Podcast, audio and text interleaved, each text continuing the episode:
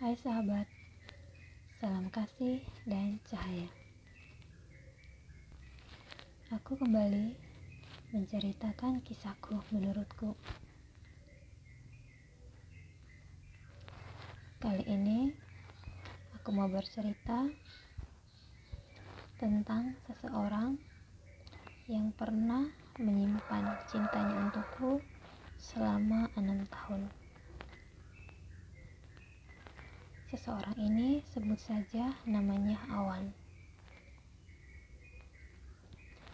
Cerita kumulai ketika aku pindah dari rumah bapakku ke rumah kakakku. Saat itu awal masuk SMP. Kebetulan rumah kakakku lebih dekat dengan sekolahku. Di saat yang sama, Awan yang aslinya anak luar kota tinggal di dekat rumah kakakku karena dia melanjutkan sekolah menengah pertamanya di sekolah teknik dan dia indekos. Awan sering ke rumah. Dan sejak awal dia sudah menunjukkan ketertarikannya dan mulai mencari-cari cara untuk mendekatiku. Sejak awal sampai enam tahun berikutnya, Awan selalu berusaha untuk mendapatkan hatiku. Setiap ada kesempatan berdua, dia selalu menggunakan kesempatan itu untuk mengatakan cinta.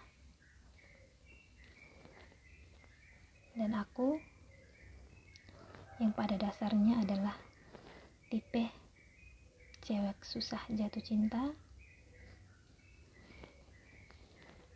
pada akhirnya menolak awan sebaik-baiknya seorang awan bahkan secara tampang dia terbilang lumayan cakep itu tidak cukup untuk membuat aku bisa mencintainya.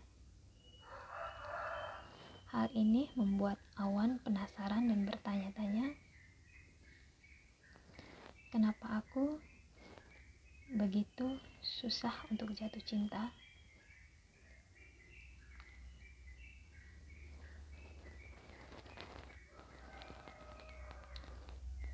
Sampai akhirnya aku sempat mendengar Awan memacari seorang cewek di kompleks kami. Aku senang karena akhirnya Awan mempunyai pacar. Dengan begitu aku merasa aku bebas dari kejaran Awan. Karena aku merasa privasiku terganggu karena hampir setiap hari kalau bertemu Awan dia selalu memanfaatkan sesi pertemuan itu untuk mengatakan cinta. Dan jujur, aku bosan. Sebenarnya aku sendiri pun penasaran. Kenapa ya? Aku sebegitu susahnya untuk jatuh cinta. Dan kenapa aku tidak pernah bisa mencintai Awan? Dia laki-laki yang baik, selera humornya sangat sangat bagus. Berada di dekat awan itu bisa bikin kita happy dan awet muda.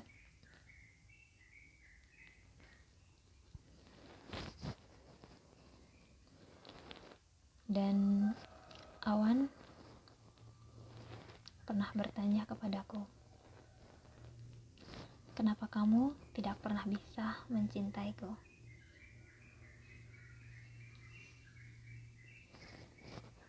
Aku hanya menjawab, aku pun tidak tahu. Awan bertanya lagi, ya kenapa?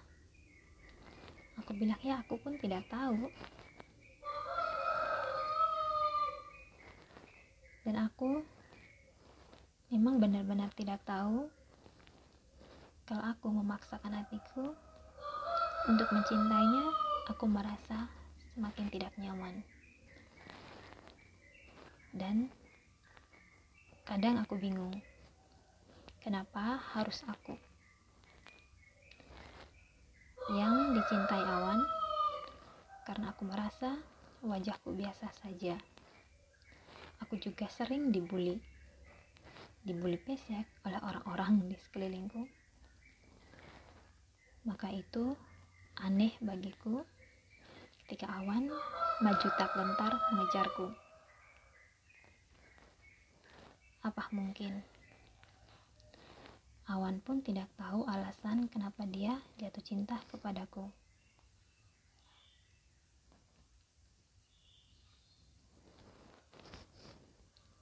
atau mungkin dia merasakan ada sesuatu yang istimewa di diriku yang tidak dia temukan di diri perempuan lain.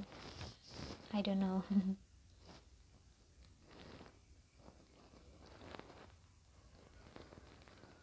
aku ingat saat aku dan Awan sempat duduk berdua di teras. Awan berkata begini.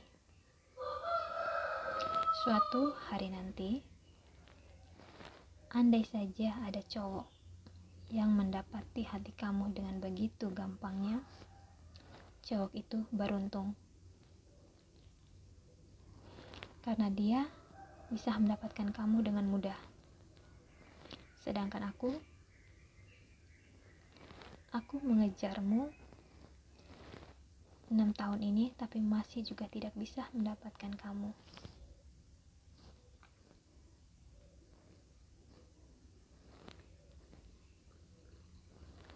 Hati kamu terbuat dari apa?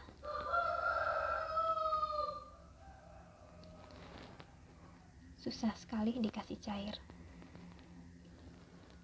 Hati kamu sudah keras, kepala juga sama kerasnya. Bahkan kedua sahabat karib awan juga berjuang mati-matian untuk membuat aku jatuh cinta kepada awan. Sampai akhirnya mereka menyerah juga dan mereka sangat penasaran kenapa aku sebegitu susahnya untuk jatuh cinta dan menerima awan.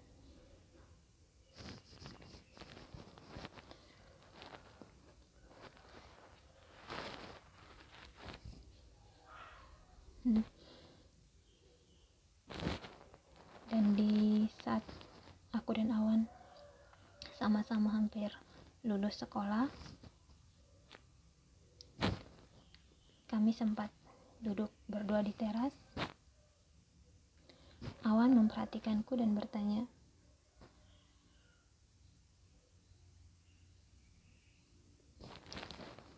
"Hati kamu terbuat dari apa ya?"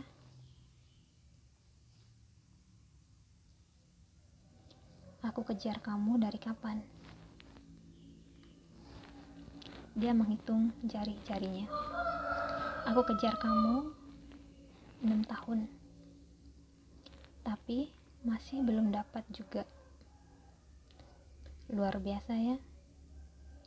Baru kali ini aku jatuh cinta dengan cewek yang keras kepalanya seperti kamu.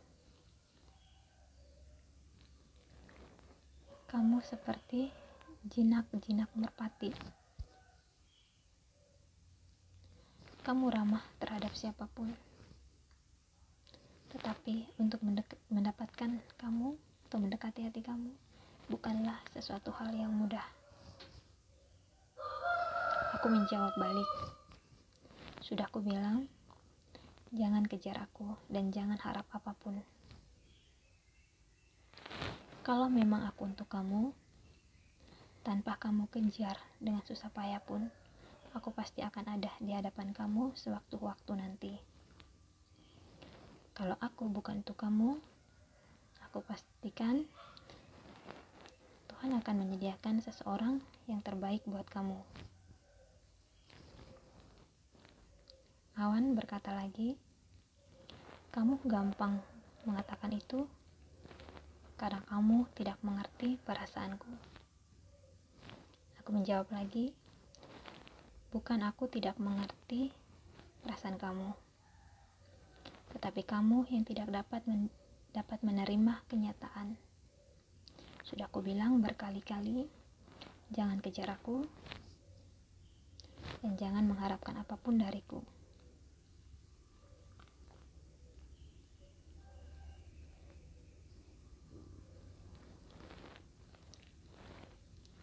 Ketika aku mengatakan itu, aku mengamati wajah Awan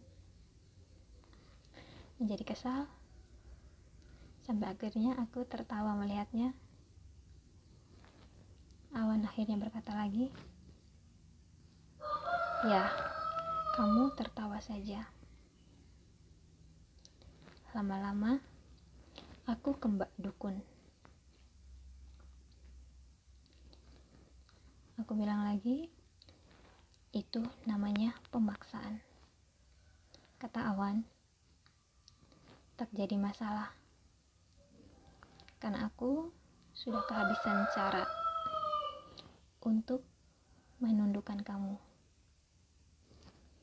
Ya, benar.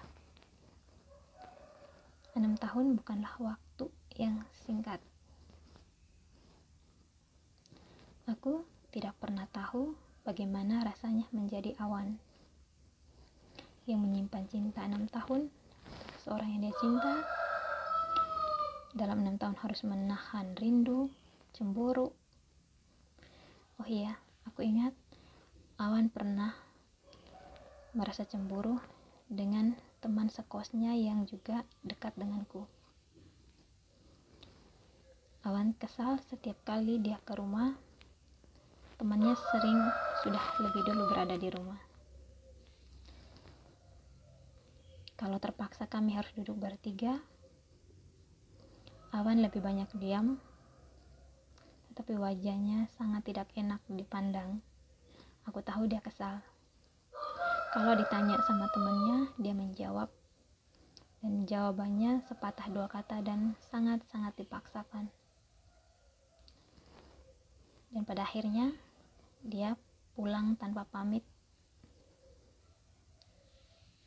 Dan ternyata di hadapan kedua temannya yang lain, Awan menyampaikan kekesalannya dan rasanya dia ingin sekali memukul temannya yang ketahuan sering dekat denganku. Sayangnya dia tidak mempunyai alasan karena dia tidak terikat hubungan istimewa denganku sehingga dia tidak bisa melarang teman cowoknya ini untuk dekat-dekat denganku. Sampai akhirnya suatu kali teman-teman kos Awan sedang bermain bola kaki di lapangan, Awan saat itu tidak sempat ikut karena dia sedang sakit. Dia baru saja jatuh dari motor.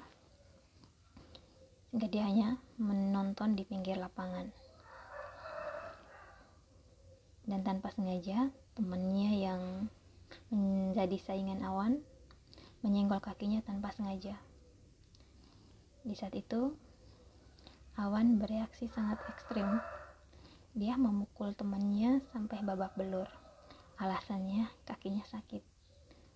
Tetapi sebenarnya bukan itu alasan utamanya. Aku kaget bukan main ketika kedua temannya ke rumah dan mengabarkanku kepadaku bahwa Awan dan teman cowoknya berkelahi di lapangan dan itu karena aku. Aku bingung, kenapa karena aku? Kata temannya, ya karena kamu. Awan merasa temannya menjadi saingannya, dan Awan tidak suka temannya dekat-dekat denganku. Nah, ketika Awan ke rumah, aku bertanya, "Apakah kamu memukuli temannya?" Awan menjawab, "Kalau iya, kenapa?" Jawabannya terdengar kasar. Kalau sampai anak orang mati, bagaimana? Awan menjawab dengan santainya, biarkan saja dia mati. Kalau dia mati, aku kubur. Dan kenapa pula kamu perhatian dan bertanya-tanya seperti itu? Karena kesal, akhirnya Awan pulang. Dan lucunya di saat Awan berkelahi dengan temannya, kedua teman akrab Awan sama sekali tidak mau melerai mereka. Kata mereka, biarkan saja mereka berkelahi. Kalau temannya Awan mati, tinggal dikubur. Benar-benar sahabat yang perhatian ya. Oh iya, Suatu hari, saat aku sedang memasak di dapur, tiba-tiba awan datang. Dia memperhatikanku dan dia berkata begini. Aku senang ya kalau mempunyai istri yang rajin seperti kamu. Rajin beberes rumah, rajin masak. Aku bilang, maka itu carilah istri yang rajin. Katanya, ya iya, istriku kamu. Aku bilang, memangnya kamu pikir aku mau menikah denganmu? Katanya, ya kali ini mungkin belum. Siapa tahu nanti, siapa tahu berubah pikiran, siapa tahu hati kamu yang beku seperti es di kutub utara itu mencair. Aku bilang lagi, kamu kan sudah punya pacar. Sayangilah pacarmu itu, katanya. Hari ini juga kamu menerima aku. Hari ini juga aku putuskan anak orang. Aku bilang, kamu tidak boleh ya menyakiti anak orang seperti itu. Katanya, kamu lebih berharga daripada dia. Dalam hati, aku berpikir gini, sebegini dalamnya dia menginginkan aku, menyayangiku sampai dia berpikir demikian. Dan mungkin dari awal yang dia incar adalah aku.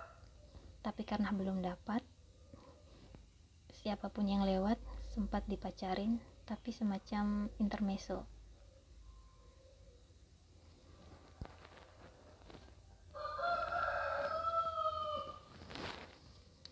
Dan saat-saat terakhir kita hampir lulus sekolah, Awan berkata lagi, "Suatu hari nanti, aku akan datang kembali ke kota ini, dan aku akan datang ke rumah ini. Jika saat itu kamu masih sendiri, aku akan membawa kamu ke rumah orang tuaku.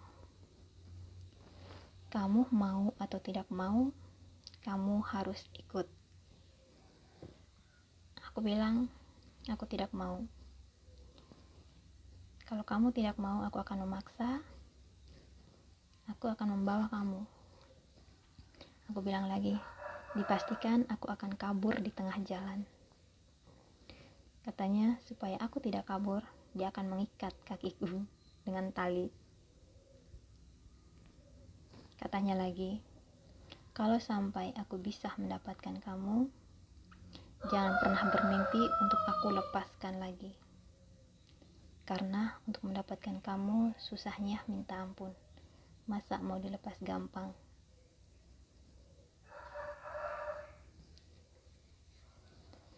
Oh ya, aku ingat teman-temannya Awan pernah berkata begini. Kamu itu seperti ikan dan kita memberi umpan tetapi sayang. Umpannya itu tidak makan,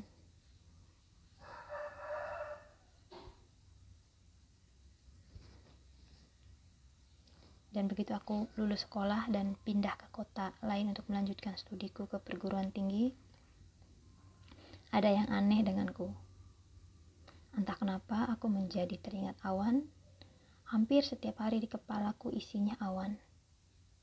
Bisa dibilang ke mana pun aku melangkah aku selalu membawa awan di pikiranku di hatiku sampai akhirnya aku bingung sendiri dan bertanya-tanya Kenapa aku menjadi aneh seperti ini? Ketika aku berdekatan dengan awan, aku tidak pernah merasa rindu, tidak pernah merasa ingin selalu dekat dengannya. Tetapi kenapa setelah berjauhan aku menjadi rindu dengannya dan selalu ingin dekat dengannya? Ini aneh menurutku. Apakah benar pepatah yang mengatakan, engkau jauh, aku rindu, engkau dekat, aku benci.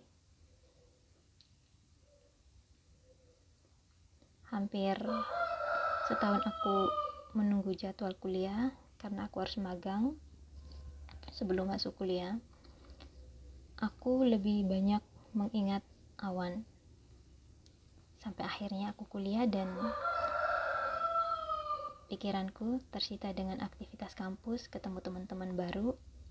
Akhirnya awan dengan sendirinya menghilang dari pikiranku. Dan setelah itu, aku tidak pernah lagi memikirkan awan sampai akhirnya 10 tahun kemudian aku kembali ke kotaku, kota di mana aku dibesarkan. Dan tanpa sengaja, aku bertemu seseorang eh, laki-laki parubaya. Di saat melihat wajahnya, aku merasa sangat-sangat familiar. Aku berusaha untuk mengingat-ingat siapa laki-laki itu. Dan ternyata dia ayahnya Awan. Aku senang bukan main saat bertemu ayahnya, dan aku sempat meminta nomor kontak Awan hanya untuk sekedar say hello karena Awan tetaplah temanku. Awan senang di saat aku menelpon dan dia sempat bertanya kabarku dan dia sempat bertanya begini, dia bilang begini suami kamu pasti cakep ya aku tidak mengerti kenapa dia di awal pembicaraan sudah membahas itu. Akhirnya aku mengatakan aku belum menikah. Katanya lagi coba ya kamu datang kembali satu tahun kemarin. Aku tanya kenapa? Karena kalau kamu datangnya setahun kemarin berarti kamu yang akan menikah denganku. Aku berkata emangnya kamu pikir aku mau menikah denganmu dia bertanya lagi kamu masih keras kepala juga ya aku jawab ya iya dong Akhirnya Awan berkata lagi, kalau nanti aku menikah, kamu datang ya. Aku hanya ingin melihat kamu. Aku hanya tertawa mendengarkan ucapan Awan. Lucu saja, ternyata dia masih mengingatku. Awan, terima kasih ya sudah menjadi bagian dari cerita hidupku. Tanpa kamu, cerita hidupku tidak akan semenarik ini. Di mana pun kamu berada, bersama siapa kamu menghabiskan sisa hidupmu, aku doakan yang terbaik untukmu. Nah, sahabat, ini ceritaku tentang seseorang yang pernah menyimpan cintanya untukku selama enam tahun. Thank you, thank you, thank you. Namaste.